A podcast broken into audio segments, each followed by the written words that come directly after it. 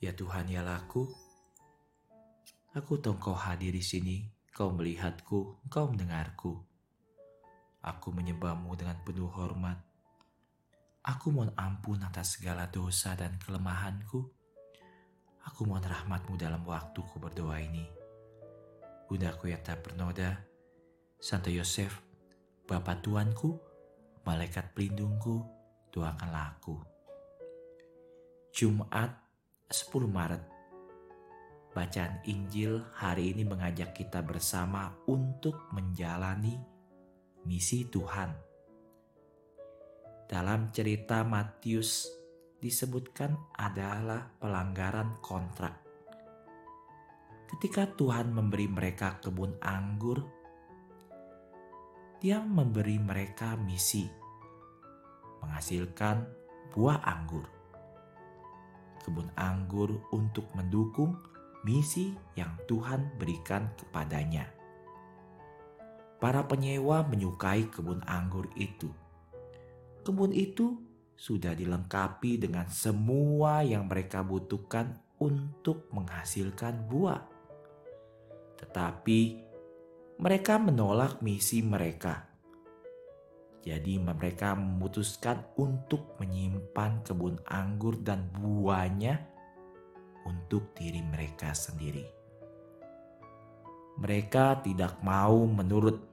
Mereka lebih suka menjadi tuan untuk diri mereka sendiri, mengambil sesuatu yang bukan milik mereka. Hal yang sama bisa terjadi dalam hidup kita, sahabat. Tuhan telah memberikan kita semua yang kita butuhkan untuk menghasilkan buah. Dia telah memberikan hidup kita, keluarga kita, talenta kita, formasi kita. Dan tidak lupa juga misi untuk kita. Tetapi beberapa sangat mencintainya sehingga bukannya mensyukuri untuk itu.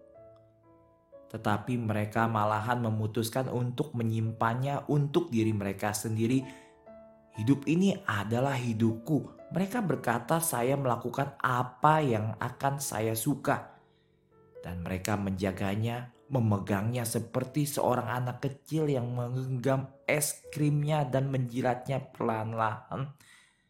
Dengan pandangan yang mengatakan, "Ini milikku, hanya milikku."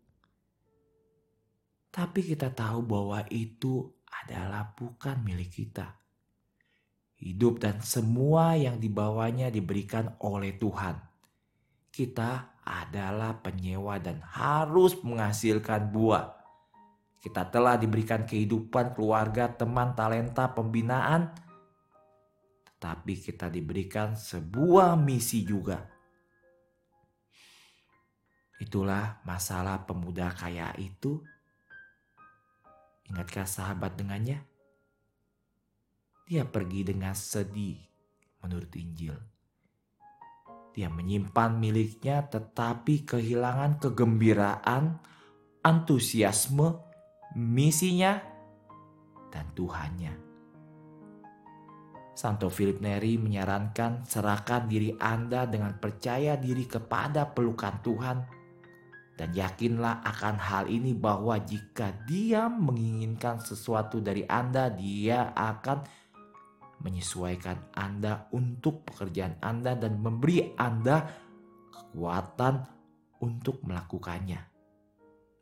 Bunda Maria, harapan kita dan tata kebijaksanaan, doakanlah kami.